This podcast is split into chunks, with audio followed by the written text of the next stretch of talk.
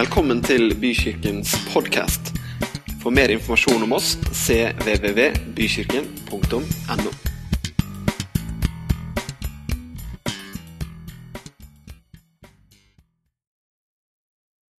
har å by på i løpet av de minuttene som kommer nå, Gud. Jeg ber om at eh, det som skal bli sagt, da, som jo da skal sies av meg, at det faktisk treffer oss. Eh, at eh, det ikke er mine ord, Herre, men at du virkelig skal få prege det som kommer ut. Eh, Sånn at det ikke blir ditt foredrag, men at det blir ditt ord, Herre, inn i vårt liv. Det er det som kan endre oss. Takk, Jesus. Amen. Så bra. Vær så god og sitt, folkens. Vanligvis så pleier jeg å smekke meg litt sånn i ansiktet for å våkne litt før jeg begynner. Var litt vanskelig nå når jeg preka, jeg, eller når jeg spilte trommer, så jeg må bare gjøre det nå foran dere, sånn at jeg er helt våken. Jeg pleier å gjøre sånn for å liksom våkne litt. da. Og jeg har ekstra grunn til å våkne litt i dag, fordi eh, det blei litt seint i går.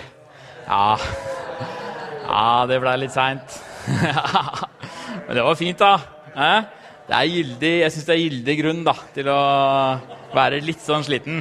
Så hvis du syns jeg ser ekstra posete ut under øya, så er det helt riktig.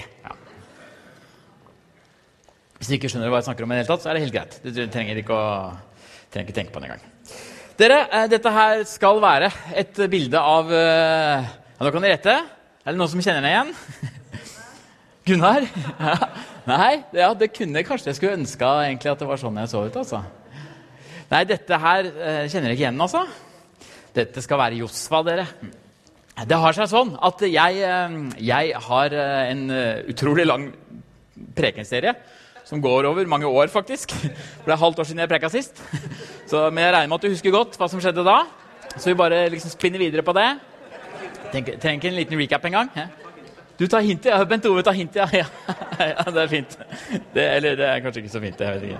vet ikke. Det var egentlig ikke ment som et hint. Det var ment som å bare være litt morsom. Uh, bare så vi vet det. Ja. Men da, snakket, da, var jeg innom tema, eller ikke tema, jeg var innom uh, subjektet manna. Husker dere det? Jeg snakka litt om manna. Uh, hvordan det redda israelittene mens de var uh, i ødemarken. Og Vi skal faktisk fortsette litt på den tida der. For uh, Moses han fikk jo aldri fulgt dette folket sitt inn i det lovede land. Det var det Josfa som måtte gjøre. Så vi skal liksom tilbake til han etterpå. Ok, bare så dere vet Det For det jeg skal snakke om i dag, nemlig, det er dette med å være modig og sterk. Jeg skal snakke om mot.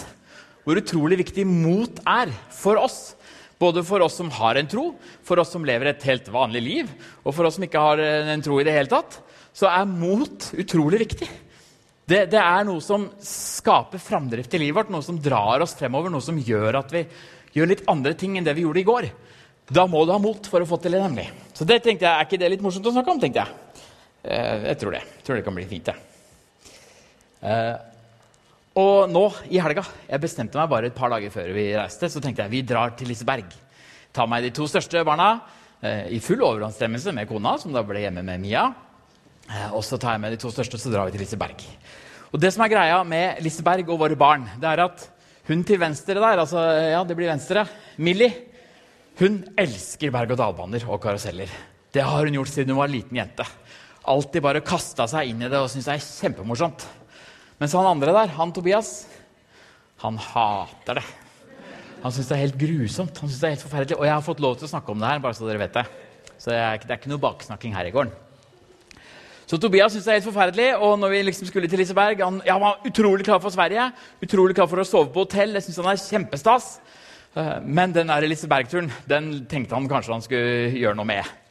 Men vi fikk snakka med han også. Liksom, ok, du får hvert bli med, og så skal vi starte utrolig rolig. Vi skal starte kjemperolig, Så der har du de huskene som vi starta med.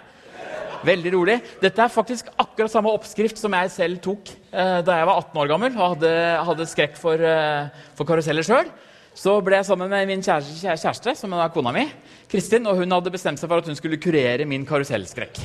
Så jeg brukte en 18 år gammel oppskrift på å finne ut hvordan kan vi få gutten min til å like karuseller. Starta rolig, og det gikk utrolig bra. Han var liksom overraskende kul. Han uh, tenkte ok, den her går jo kjempefint, så da, da, da, tok han selv initiativ til å ta en litt røffere en etterpå. Så da, da, bygde vi opp litt mot. da, ikke sant? Tok vi ett skritt til, ett skritt til, og så plutselig så var vi liksom så var vi 43 meter over bakken. altså. på den der gedigne Loke. Som er, den er veldig kul. Er det flere enn meg som liker karuseller? Ja, å, Stian og meg vi har også vært i Liseberg sammen.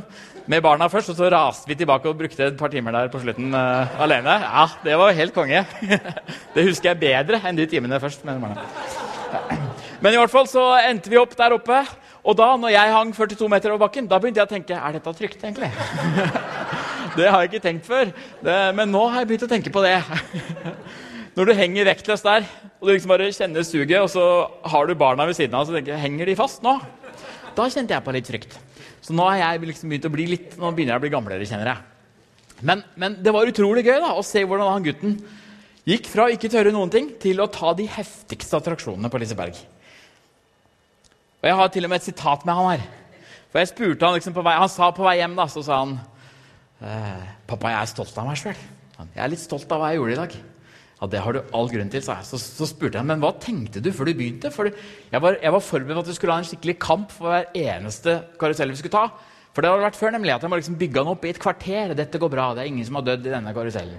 Dette går kjempefint. Men, men nå var det ikke noe sånn kamp i det hele tatt. Så jeg spurte hvordan har det seg. Nei, jeg bestemte meg for å prøve. Jeg tenkte jeg skal prøve, jeg. Og det funka jo så fint at han faktisk prøvde. Det er step one i det å være modig. Det er å prøve. Det er å tørre å prøve. Ok, Det er kanskje litt banalt og litt enkelt å snakke om berg-og-dal-baner, men det er utrolig overførbart til vårt eget liv. da. Utrolig overførbart til hva vi sliter med i hverdagen sjøl. For omgivelsene rundt oss de ønsker at vi skal være modige. Det har blitt en stor del av kulturen vår, det har blitt en stor del av arbeidskulturen vår.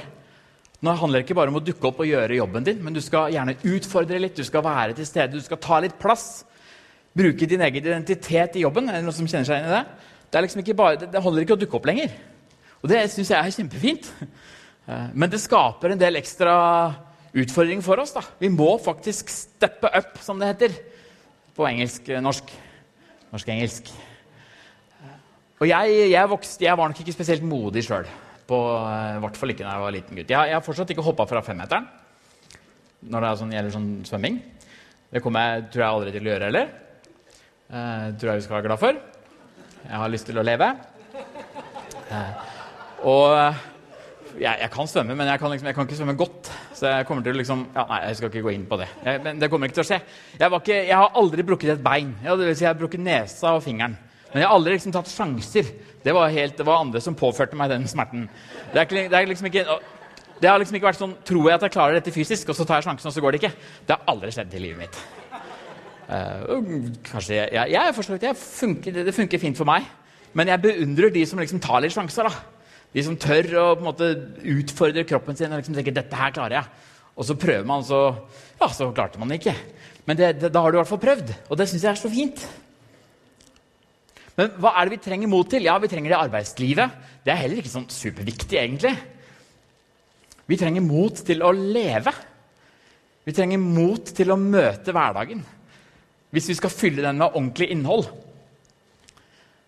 Det krever mot å elske noen Det krever mot den første gangen du, du husker tilbake til det, eller? Kanskje du er der nå, akkurat nå, at du liksom akkurat har sagt det til noen. Du hva? Jeg, jeg er forelska i deg. Den følelsen der, før du sier orda, den tror jeg er ganske universell. Det er få som liksom uh, bare kaster det ut. Jeg forelska deg. Litt sånn cocky. Nå, det, nå, får du lov, liksom. Nå får du lov til å bli kjæresten min. Det er, det er en utrolig sårbarhet der, da. Det krever mot. Det krever mot å elske barna sine også. Fordi det blir det kjæreste du har. Det nærmeste du har, det du vil beskytte mest i livet. Det er det du også elsker mest. Det du har lyst til å liksom bare sette litt sånn i vakuum, sånn at det ikke blir skada. Det må du faktisk tørre å la leve da, for at den skal få et fullverdig liv. Det må du slippe ut i verden. Du kan ikke ha den hjemme hos deg og hele tiden tenke at nå skal jeg passe på så ikke det skjer noe gærent. Du kan ikke pakke barnet inn i boblepast og holde det ute fra venner som kan såre, såre de, eller skumle situasjoner. Du må faktisk la de få leve. Det er det største tegnet på kjærligheten. At de, får, at de, får, lov til å få en frihet. I hvert fall etter hvert. da. En viss frihet. Bitte litt frihet. I hvert fall. Du trenger mot for å snakke ærlig med vennene dine, med de som du jobber sammen med, med familien din. Det, det krever mot å være ærlig. For du veit ikke helt hva som skjer på andre sida. Du veit ikke helt hvordan den som tar imot dette, her reagerer. Du, det, det, krever mot å være til stede i livet og ta plassen sin i livet. Det krever mot. Vi trenger mot. Vi trenger å være modige. Og så ønsker vi gjerne å ha modige ledere på jobb. ikke sant? Som drar oss videre, som finner retningen for oss, som tør å gå foran. Mot er en stor del av hverdagen vår. Brené Brown, hørte du meg det? Hun er en forsker som har brukt 30 år av livet sitt på å forske på modighet og mot. Hva er det som gjør at vi er modige? Og hva er slagsida til det å være modig? Hva er det det hver gang bringer inn? Jo, det er sårbarhet. Oi sann. Det går ikke an å være modig uten å være sårbar. Bare tenk på det. Du kan ikke, du kan ikke strekke deg ut et sted og så tenker jeg at dette her går helt sikkert fint. Da er du ikke modig. Da tar du ikke en sjanse. For å være modig så må du faktisk putte noen penger i potten og tenke at dette her går enten, eller så går det ikke. Hvis ikke er du ikke modig. Og Hun har hatt hundrevis, tusenvis av foredrag og alltid stilt det spørsmålet er det noen som kan gi meg et eksempel på en situasjon der du kan være modig uten å være sårbar. Nei, det er det ingen som kommer på. Fordi Enten så er det en eh, sårbarhet i forhold til relasjonene dine, eller så er det en sårbarhet i forhold til evnene du har, at du er litt usikker på om du klarer dette her. Eller så er det en sårbarhet i forhold til å, å faktisk ta plass og bli sett. Det er alltid en sårbarhet i å være og leve modig. Det kjenner jeg i meg sjøl nå. Det er ikke så lenge siden jeg starta eget firma sammen med kona. Åh, Det er fortsatt litt skummelt å si. For vi har, ikke, vi har jo ikke fast inntekt. Vi er helt avhengig av å få inn prosjekter. Uh, og ja, jeg, jeg, jo, vi reflekterte jo litt over dette før vi starta, Kristin. Gjorde det. Men, men, det ble allikevel liksom Oi, nå har jeg ikke noe å gjøre en halv måned. Så ble jeg jo litt stressa. Da kjente jeg på sårbarheten. Og så er det viktig å skille sårbarhet fra svakhet. For man kan tenke at sårbarhet er svakt, at det er, at det er, at det er en dum ting. Du skal ikke vise sårbarhet. Jo, du kan faktisk vise sårbarhet. Det er ikke svakhet, det er en naturlig del av å være modig. Det er en naturlig del av å leve, det er en naturlig del av å gå ut av komfortsonen. Da blir du sårbar. Elsker du, så er du sårbar. Som jeg takka Gud for i stad, så er han den eneste som vi med sikkerhet vet alltid kommer til å være der for oss. Alt annet kan forsvinne. Kona di kan gå fra deg. Barna dine kan avvise deg. Det kan skje. Jeg har så utrolig lite lyst til at det skal skje, men jeg må jo innse at det kan faktisk skje. Og jeg tror vi altfor ofte snakker om modighet og det å gå og liksom det å tørre å gjøre ting uten å snakke om den slagsida. For det er den slagsida som holder oss tilbake. Det er jo den som gjør at vi ikke tør. Det er det vi har putta det, Skal jeg virkelig putte skal jeg, skal jeg liksom legge hjertet mitt på dette alteret. Det ble veldig fysisk plutselig. Men skal jeg, skal jeg, virkelig, skal jeg legge hjertet mitt i hendene til Kristin? Ja, Det var jo det jeg gjorde da jeg gifta meg. Jeg la, jeg la, hjertet mitt i hennes hender, hun la mitt, sitt hjerte i, i, i, mine. Og så stoler vi på at vi bærer hverandre. Så har jeg alt håp og tro på at vi kommer til å holde ut livet, livet igjennom. Men man vet jo ikke. Og den sårbarheten der den er det viktig å ha et forhold til tørre å snakke om, tørre å, å kjenne på. For det gir deg mot til å prøve. Og nå har vi jo snakka litt sånn generelt om hva mot er for oss i det hverdagslige livet vårt. Men mot er jammen ganske viktig når det gjelder tro også. Dette symbolet her En av mine største helter fra i går. Han reiv av seg keeperdrakta i går. Fikk dere med dere, eller? Alison, keeperen på Liverpool, dro av seg keeperdrakta, viste dette symbolet. Han viste mot. Han måtte ta den på seg igjen. Så det, fikk dere med dere også, eller? Han gikk rundt i fem-ti minutter med den skjorta for å vise hele verden at Gud er kjærlighet. Og så måtte han ta den på seg igjen. Så plutselig hadde han på seg keeperdrakta igjen.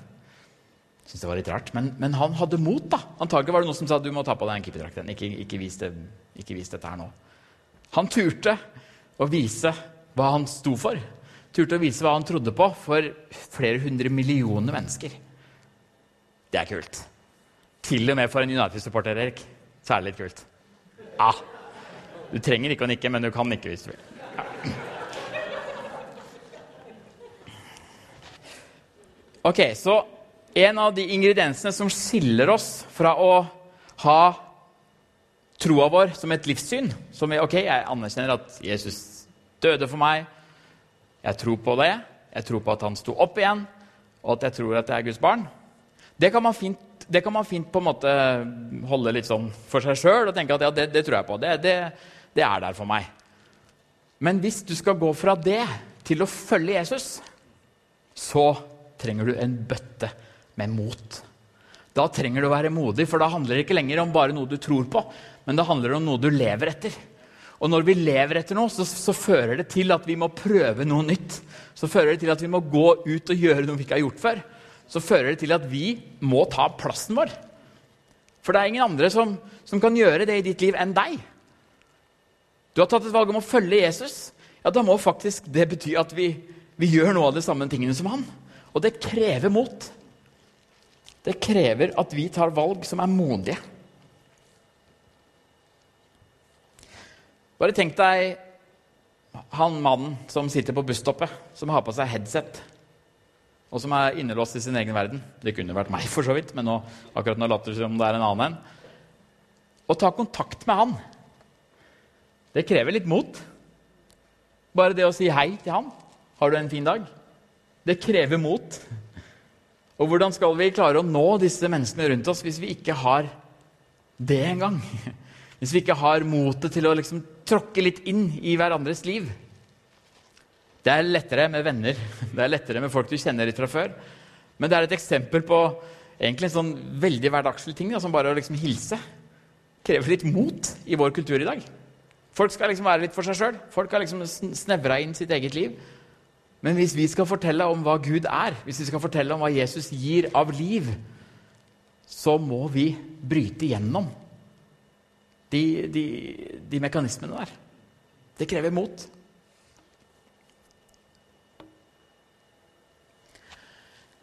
Josfa han fikk vite før Moses døde, at han er den personen som skal lede Israel inn i det landet som de har venta på i 40 år. Gått rundt i ørkenen i 40 år. Det kan jo ikke ha vært veldig, veldig gøy å gå rundt i de åra der. Og Josfa han sto alltid ved siden av han da Moses gjorde tinga. Da Moses gjorde disse undrene, selvfølgelig gjennom Gud. da. Splitta Rødehavet, sørga for at det kom vann ut av fjellet alle disse plagene som ble sendt over Egypt. Josfa var med. Han så dette her ved siden av. Og så får han vite at nå, Josfa, nå er det din tur. Nå er det du som overtar den stokken. Nå er det du som skal gjøre miraklene på vegne av meg. Og faktisk, Før, dette, før disse versene her, så, så, hadde Moses fått beskjed av Gud. Han, Gud sa til Moses, 'Gjør Josfa modig og sterk'. Så, så Moses måtte begynne å snakke litt inn i Josfa. Gjøre han modig, gjøre han sterk, gjøre han tøff. Og Josfa, Det var ikke sånn at han ikke hadde vært delaktig. Han hadde vært, eh, jeg vet ikke om du husker det slaget med amalkittene, der Moses sto og holdt hendene sine oppe. ikke sant? Så måtte han få hjelp etter hvert. Det var det Josfa som leda. Det slaget var det Josfa som leda. Så han har virkelig vært med på ting før han skal overta sjøl. Men allikevel, når du liksom får beskjed om at okay, nå, det første du skal gjøre, Josva, nå skal vi krysse ei lita elv ganske stor elv som heter Jordan. Den er, den er kjempesvær. Den skal vi, eh, nå, nå, nå tar vi en sånn Rødehavet-kopi. Opp med stokken, og så bare splitter havet seg. Eller sjøen seg. Eller elva, heter det. Åh, jeg lurer på hvordan det var, altså.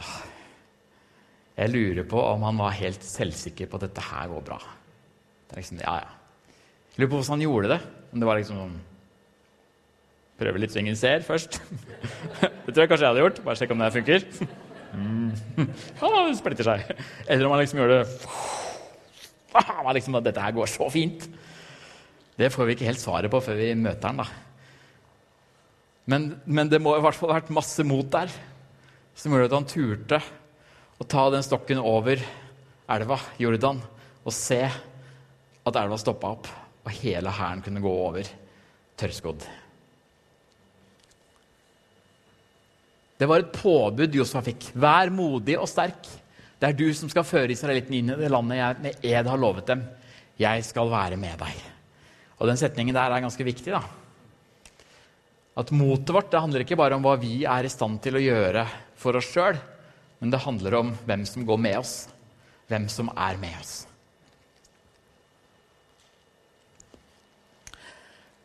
Et annet morsomt eksempel på Jossa sitt mot.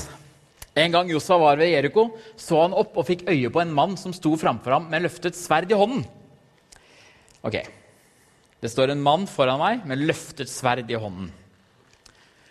Josfa gikk bort til ham ja, og sa, 'Er du med oss eller med fiendene våre?' Der har han brukt litt mot, har han ikke det? Josef vet ikke svaret. Eh, jeg, jeg tenker det er modig. Og så er jo da svaret at nei, jeg er føreren for Herrens hær. Så dette er altså en engel. Nå er jeg kommet. Da falt Josef ned med ansiktet mot jorden og sa, Hva har min herre å si til sin tjener? Føreren for Herrens hær svarte Josfa, Ta skoene av føttene, for stedet du står på, er hellig. Det gjorde Josva. Det hadde Josva ikke gjort hvis han ikke hadde mot. Josva hadde ikke gått til den hæren, til den hærføreren som står med sverdet heva, hvis han ikke hadde mot. Han visste ikke hvem dette var. Det går jo tydelig fram. Josva visste ikke at dette var en engel. Det kunne liksom vært fienden. Det er modig, altså. Det er bare, bare lurer på Er du med oss eller mot oss? Det er mot. Det er å ikke vite utfallet av en eh, hendelse vi setter i gang. Tobias prøvde. Å være modig, det er å prøve. Det betyr å prøve noe. Prøve noe nytt. Første gangen jeg sto her foran dere, så var jeg ganske nervøs. I dag er jeg ikke så nervøs. Hvorfor? Jo, fordi jeg har gjort det før. Dette har jeg gjort før. Jeg blir tryggere i rollen min fordi jeg har gjort det før. Og hva er det neste som skal skje da? Jo, jeg må gjøre noe mer neste gang. Og et litt banalt eksempel. Ehm, jeg var hos Abax og jeg holder på å lage en liten sånn pilot der jeg følger gründere. Og Abax i Larvik de starta med tre stykker for ti år siden. I, i, I, dag er det 450. Og de har noe som de kaller for March Madness. Uh, der en av de tingene de gjør, da, det heter crossover day. Da må gutta gå i dameklær, damene må gå i herreklær. Og En av de jeg snakka med, han hadde gjort det i ganske mange år. Og han sa at dette er litt farlig, for nå er det ikke så skummelt lenger. Og det skjønner jeg jo. Jeg skjønner hva han mener med det. At dette, hva er neste skritt, liksom? Men det er noe i det, da. At det vi har gjort, det blir vi trygge på. Og da er det faktisk på tide å gå videre. Da må vi gjøre noe mer. Hva, hva blir det neste skrittet? For hvis det vi gjør til vanlig, ikke skremmer oss lenger, ja, da blir vi passive. Da blir vi for rolige, da blir vi for trygge, da blir vi for komfortfulle. Komfortsøkende, kan vi bruke som ord. Vi trenger å kjenne at det er noe nytt for oss. Både i det hverdagslivet vi lever, men også i den troa vi har i livet vårt. Og da må vi prøve. Og Det å være modig det betyr å slippe kontrollen og ikke vite utfallet. Jeg ble litt overraska over Millie, da, som da er helt, hun har stålkontroll på berg-og-dal-baner. Eh, og vi, vi, vi, vi, hadde da, vi overnatta liksom til Liseberg, og så skulle vi kjøre hjem fra Liseberg på kvelden. Så det er planlagt at vi reiser hjem sånn at vi rekker den siste ferga. Eh, så jeg liksom ikke er hjemme klokka fire. Men barna syntes dette var så fryktelig gøy jeg tenkte ok, vi får la være. da. Vi får kjøre rundt i stedet. Så vi var der helt til elleve, og da ble Millie så letta at da vet jeg at vi ikke dør på den ferga. Da hadde jeg lyst til å si at det er nok litt større risiko for at faren din sovner bak rattet klokka to på natta enn at vi tar den ferga. Men, men det hun begrunna det med, var at ja, men jeg vet jo at du er pappa. Du har jo kontroll på den bilen. Så for henne så var, var kontrollen viktigst. Pappa gjør ikke noe gærent bak rattet. Han kjører ikke for fort klokka to på natta og vil fort hjem. Han tar det med ro. Det var, det var hennes trygghetsmekanisme. Det å slippe kontrollen, det skaper frykt. Det er en modighetsøvelse. Og det er en øvelse vi trenger å gjøre både med tanke på kjærlighet, med tanke på å leve et liv som vi tør å komme litt ut da, av sonen vår. Vi trenger å slippe kontrollen. Og det vi kan være så utrolig glad for, at det er en Gud der som har kontrollen. Selv om vi ikke vet utfallet. For det er nemlig det tredje at å være modig betyr ikke at det nødvendigvis går bra. Dette her tror jeg er utrolig undervurdert. Vet du hva? Jeg tror det er særlig undervurdert i våre kretser. For vi er så vant til å høre historier om at Gud griper inn. Vi er så vant til å høre historier om at det gikk bra. At Gud utførte et mirakel.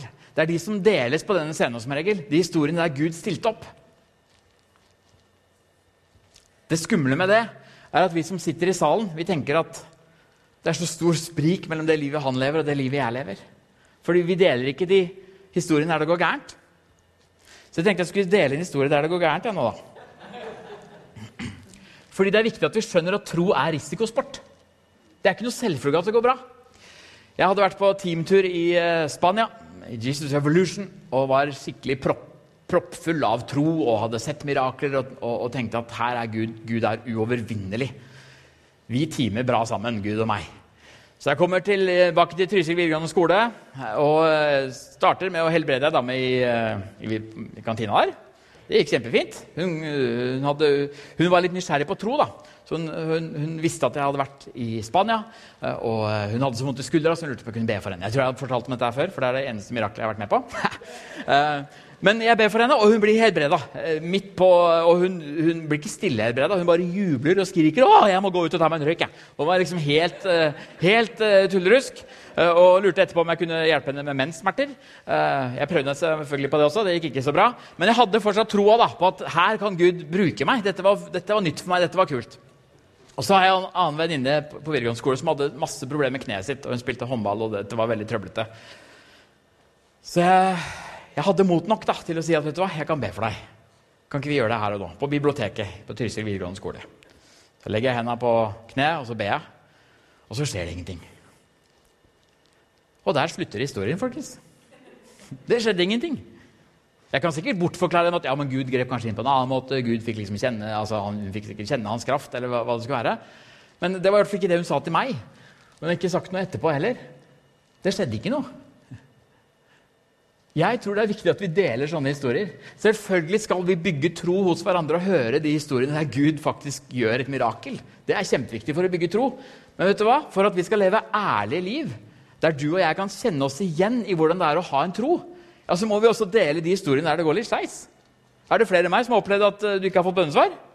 Ja. Jeg tror de snakker nesten hele salen. Så, så vi må være ærlige i den sårbare Dette er sårbart for oss. Fordi vi vet at Gud er allmektig. Gud skal gripe inn. Gud helbreder alle. Han, vi, vi, vet jo det, men det skjer allikevel ikke helt.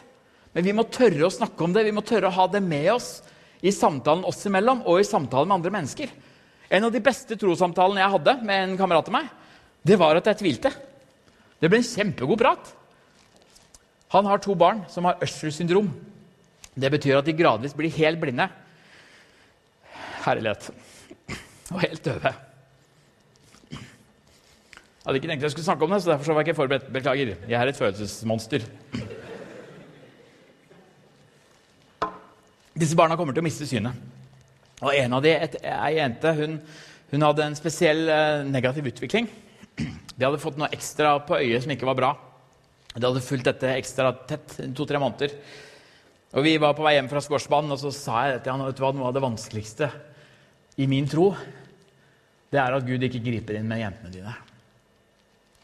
Og så sa han i morgen så skal vi tilbake igjen til legen. Og, eh, og, vi er forberedt på dårlige nyheter, at dette går bare enda raskere. Da. At synet degraderer seg raskere. Og vi hadde, vi hadde, en veldig god prat om liksom sårbarhet, og jeg synes det, han, han, han, bygde meg opp litt. Vet. Ja, men Gud, han er jo, Du tror jo på han. Og, ja, jeg tror på Gud. Jeg bare synes det er så vanskelig at ikke han bare griper inn og helbreder barna dine. Så sa jeg men jeg skal likevel be for dem, selvfølgelig. Ja, det må du gjøre. sånn. Og så fikk jeg melding med en gang etter han hadde vært hos legen. Og da hadde det stoppa opp. den degraderinga hadde stoppa helt opp. Og han sa jeg, jeg vet ikke hvorfor, men det har i hvert fall stoppa. Kanskje det er medisinering de, ikke, de bare prøvde de blinde på medisinering. Kanskje det er det som har funka. Kanskje det er Gud som funka. Men i hvert fall så har det skjedd noe. Jeg har slått stor tro på at vi skal være ærlige i vår samtale om tro med menneskene rundt oss. Ikke late som at vi har full kontroll når vi ikke har det. For det har vi faktisk ikke. I hvert fall har ikke jeg det. Og for, for meg da liksom, det, jeg, jeg, lurer på om det er det som gjør at vi føles litt høyere oppe enn de andre noen ganger. Fordi vi liksom Ja, men Gud, vet du, han ordner opp. Alt går fint. Og så tror vi på det, men så vet vi at det ikke alltid kjennes sånn ut for oss. Vår sårbarhet for tro kan være en åpner for hvem Gud er for andre mennesker.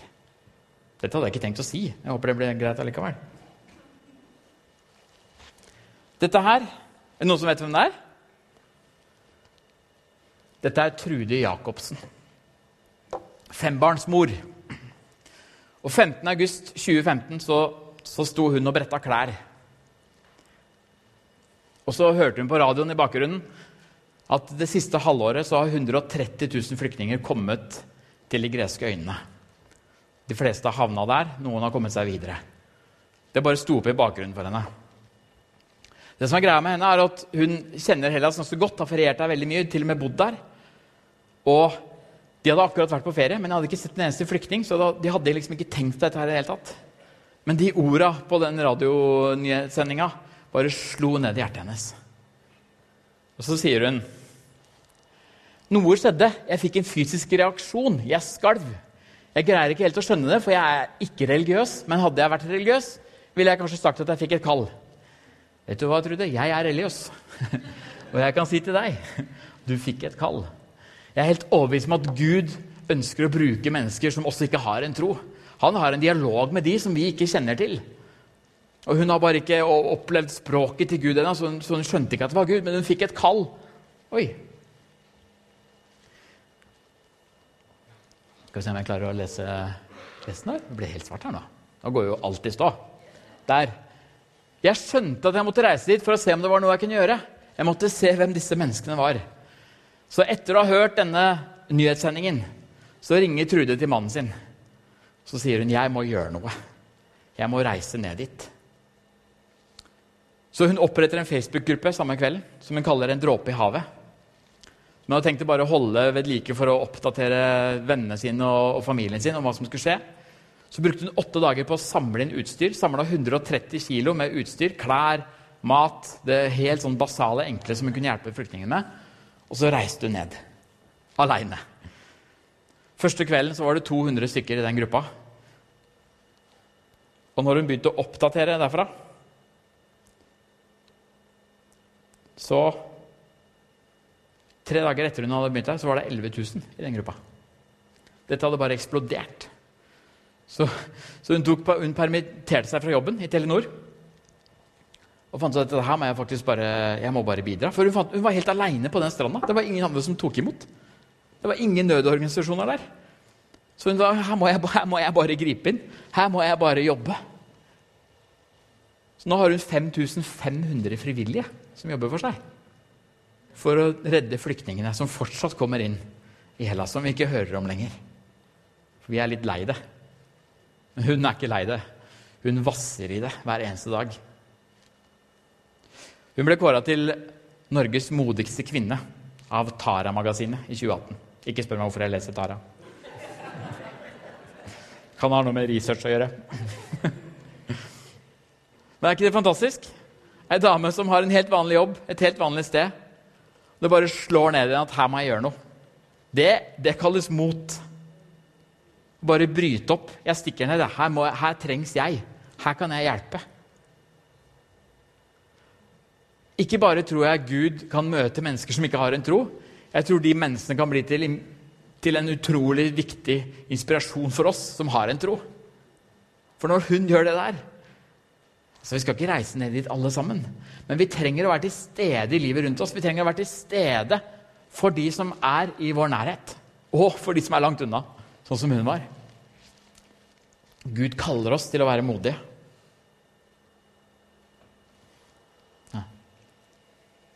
Irvin McManus, som er en av mine helter, han sier at berømmelse, det er hva du gjør for deg sjøl. Det du gjør for at du skal bli sett, hørt, adored, hva heter det på norsk? Altså liksom beundra. Mens storhet, det er det du gjør for andre. Og Jacobsen, som vi akkurat har sett, hun dro ikke ned til Hellas for å sole seg eller for å få litt ekstra oppmerksomhet. Hun dro ned for å hjelpe mennesker. Hun dro ned for å bringe storhet til menneskeheten. Josva han leda ikke folket sitt inn i det landet som de hadde blitt lovt, for sin egen del. Han gjorde det for menneskeheten sin, altså for sitt folk. Det var ikke for at han skulle bli berømt. Det var for at Gud skulle få vise sin storhet. Og Hvis vi skal leve liv der vi følger etter Jesus, så skal ikke vi søke berømmelse, men vi skal søke storhet. Det er svære ord, da, men vi må søke storhet i livet våre. Hvordan kan vi sørge for at de rundt oss får det bedre? Hvordan kan vi sørge for at folk rundt oss får oppleve hvem Gud er? Det starter med modighet. Det starter med å være modig. Ok, Brené Brown, hun som har undersøkt så utrolig mye rundt modighet og sårbarhet. Hun har funnet et svar på hvordan man skal takle sårbarhet. For det, det, det har seg sånn, F.eks. barna. da. Når du vet ikke om det har vært sånn med deg, Av og til når jeg er innom de før jeg legger meg, så tenker jeg å fy søren, så heldig jeg er. Åh, jeg har det så bra. Disse barna er mine. De har det bra på alle måter. De er friske, de er sunne. De, det virker som de har det så fint. Jeg har det fint med kona mi. Jeg har en fin jobb, selv om jeg ikke har hatt noe å gjøre de siste to ukene. Jeg har det nå, altså. Ta det med ro. Uh, jeg er så takknemlig. Og, men, men, men vet du hva som skjer når man tenker på de tingene, ganske fort så tenker jeg oi, et eller annet må gå gærent snart. Har dere vært der?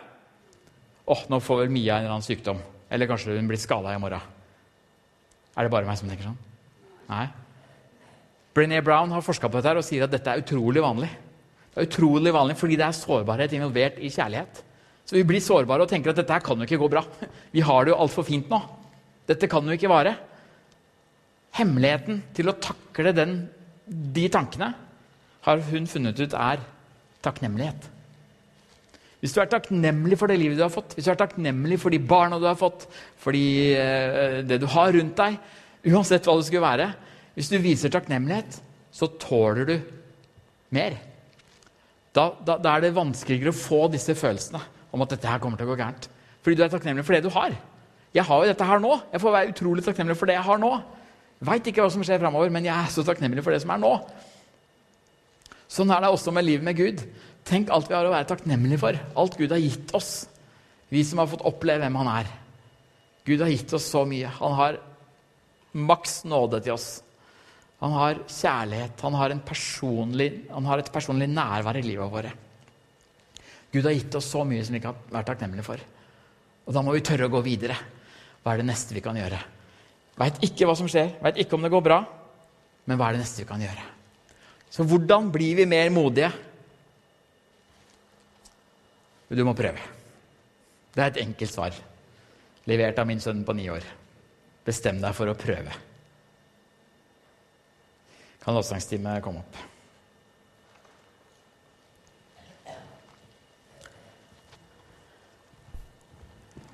Jeg har så tro på ærlighet i det å snakke om Jesus, i det å snakke om livet sitt. At vi ikke skal gjøre oss til. For Jesus han er den samme for meg uansett om den bønnen for det kneet gikk bra eller ikke. Jesus er uansett der for meg. Han er større enn den situasjonen. Jeg kan ikke forklare alt. Jeg kan ikke forsvare alt. Men jeg kan si at Jesus han er tettest på livet mitt hver eneste dag. Og Jeg vet ikke åssen du har det i ditt liv. Kanskje du er livredd akkurat nå. Kanskje du er midt oppi en omstendighet som bare ser helt umulig ut. Og ja, kanskje du trenger litt mot. Kanskje du trenger å være modig. Men på samme måte som Josfa fikk høre fra Gud at 'jeg er med deg', så har jeg lyst til å si til deg i dag at Gud er med deg. Gud er med i det du er en del av. Gud er der for deg. Han støtter deg, han elsker deg. Han vil at du skal komme igjennom. Og jeg tror det å klare å være takknemlig i situasjoner der det er tøft, kan være en nøkkel for deg. Og så tror jeg at Gud på andre sida vil vise deg hvordan du kom deg gjennom sammen med Han. Jeg aner ikke hvordan du er i ditt trosliv, om du er en som har kjempetro, om du er en som ikke helt vet om du skal stole på dette her i det hele tatt. Jeg syns du skal prøve. Jeg syns du skal være modig og prøve. For Jesus møter deg først når vi begynner å gå.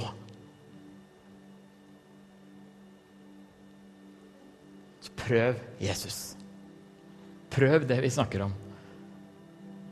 Tør å ta en sjanse og si, 'Jesus, jeg vil overgi meg til deg.' Jeg vil se hva det her er for noe. Og jeg tror at vi som allerede har en tro, også trenger å gjøre det av og til. Og overgi oss på nytt. Og si, 'Gud, nå vet du hva, nå har jeg vært for trygg for lenge.' Nå har jeg levd litt for trygt. Det er lenge siden jeg har hatt noen nye historier å fortelle om. Enten om du lykkes eller mislykkes. Det er lenge siden jeg har hatt noe å dele om gudslivet mitt. Det er et utrolig tydelig tegn på at vi har vært for komfortable. Er ikke? Vi deler historier fordi vi opplever dem. Og hvis ikke du opplever det, ja, da har du ikke tatt sjansen. Da har vi blitt passive troende på Jesus, men ikke etterfølgere.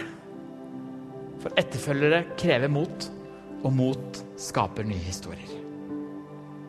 Så Jesus, jeg ber for mitt eget liv og for denne kirka, så ber jeg om nye historier. Om at vi lykkes, om at vi mislykkes, men at vi i hvert fall har noe nytt å fortelle. At mitt liv skal kunne fortelle noe om hvem du er for andre mennesker. At du, Herre, skal få leve gjennom meg på godt og på vondt. At vi lever ut en levende tro som krever mot. Som krever at vi prøver noe nytt. Hjelp oss, Jesus, til å ikke bli konforme og stillesittende. Men Herre, vi trenger å få oppleve noe nytt fra deg. Det handler ikke om personlighet eller personlighetstype. Det handler om troa på deg og det du har kalt oss til å gjøre. For vi skal være her for å redde menneskeheten. Det får vi ikke til uten å gå. Det får vi ikke til uten å ta opp den stanga, staven, sånn som Josfa gjorde. Det er da du griper inn, Gud. Hjelp oss til å bli modige etterfølgere av deg. Amen.